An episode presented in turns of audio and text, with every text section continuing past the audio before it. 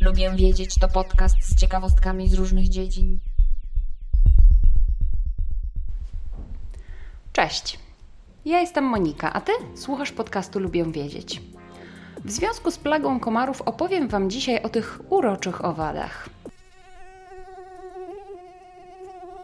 Okazuje się, że komarów jest całe mnóstwo i nie mówię tutaj wcale o liczbie tych insektów konkretnych osobników, a o liczbie ich gatunków. Otóż w Polsce występuje 47 gatunków komarowatych. Najbardziej popularnym gatunkiem w naszym kraju jest komar brzęczący, czyli po łacinie Culex pipiens, którego podgatunek miejski zwie się po łacinie właśnie Culex pipiens molestus, co by akurat się zgadzało, bo molestuje w sposób dość nieprzyjemny.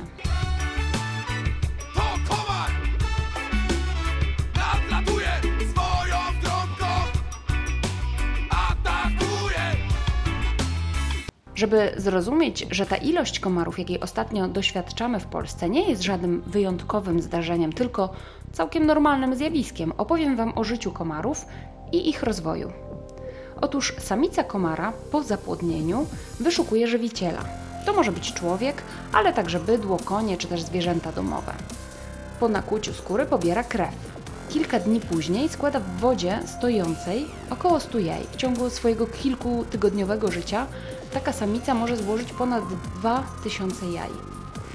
Z tych złożonych jaj po około 24 do 36 godzinach wylęgają się larwy, które po 7-10 dniach zamieniają się w poczwarkę. Po 2 do 4 dni z poczwarki powstaje dorosły owad. I tempo rozwoju komara zależy od temperatury. Optymalna temperatura dla ich rozwoju waha się od 20 do 25 stopni Celsjusza. Rozwój komara trwa wówczas od 10 do 14 dni, a w niższej temperaturze może się wydłużyć nawet do 5 tygodni. W tym momencie tak naprawdę mamy więc idealne warunki dla komarów. Mieliśmy poważną sytuację powodziową na południu Polski, gdzie rozlewiska rzek dopiero powoli opadają, więc tej stojącej wody, idealnej dla komarów, jest bardzo dużo.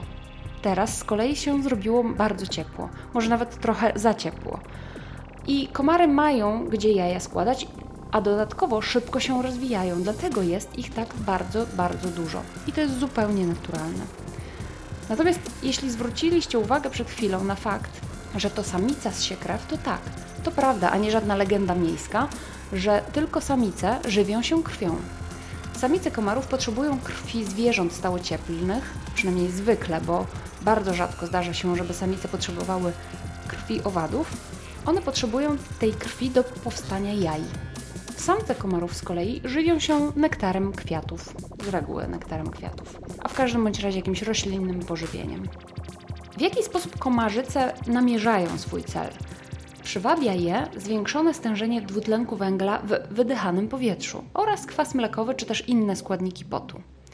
Posługują się też termodetekcją, co sprawia, że w przypadku ludzi bardziej narażeni na ukąszenia komarów są właśnie młodzi mężczyźni, dzieci i kobiety w trakcie owulacji, bo wtedy wydzielają oni więcej ciepła.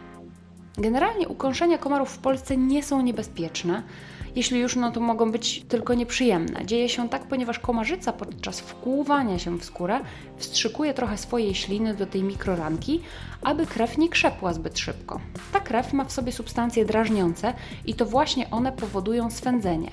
Niektórzy z kolei są bardziej wrażliwi na te substancje i mogą mieć nawet na nią uczulenia.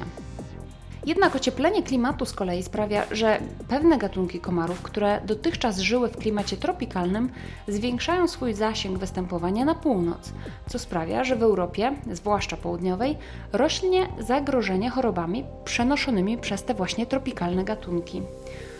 Na przykład w Polsce drugim pod względem liczebności gatunkiem komarów jest komar widliszek, który może roznosić malarię.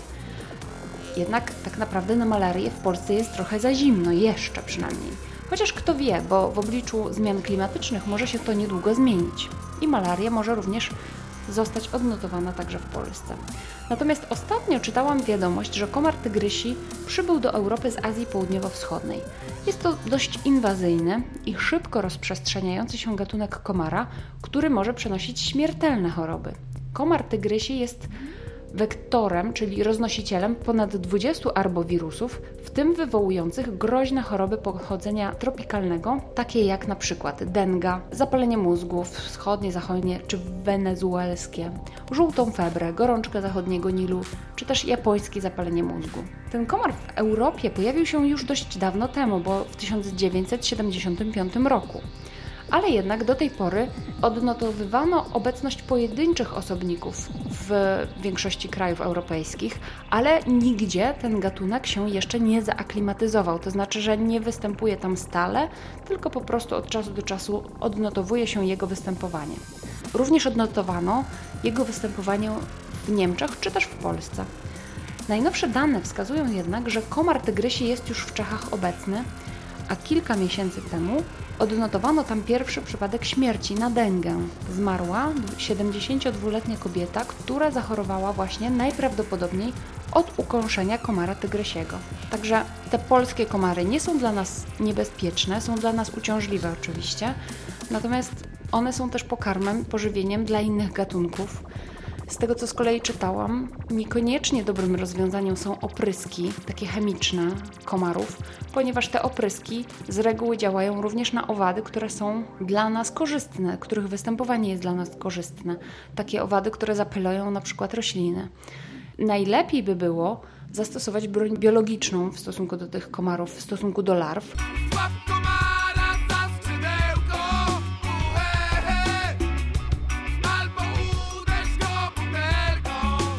Natomiast z tego co wiem, to nie jest wcale droższe, tylko to jest troszeczkę bardziej pracochłonne, ponieważ przede wszystkim trzeba zatrudnić fachowców, którzy wiedzą, gdzie się komary rozmnażają, gdzie się larwy komarów czekają na przepoczwarzenie się, bo to właśnie na larwy działa broń biologiczna i potem trzeba odpowiedniej broni użyć do odpowiedniego gatunku komara, bo broń biologiczna w przeciwieństwie do broni chemicznej działa tylko i wyłącznie na jeden gatunek owada i insekta, więc taka broń biologiczna nie jest niebezpieczna dla innych insektów, tylko i wyłącznie dla konkretnego gatunku komara i to jest dobre wyjście, a niekoniecznie takie opryski chemiczne.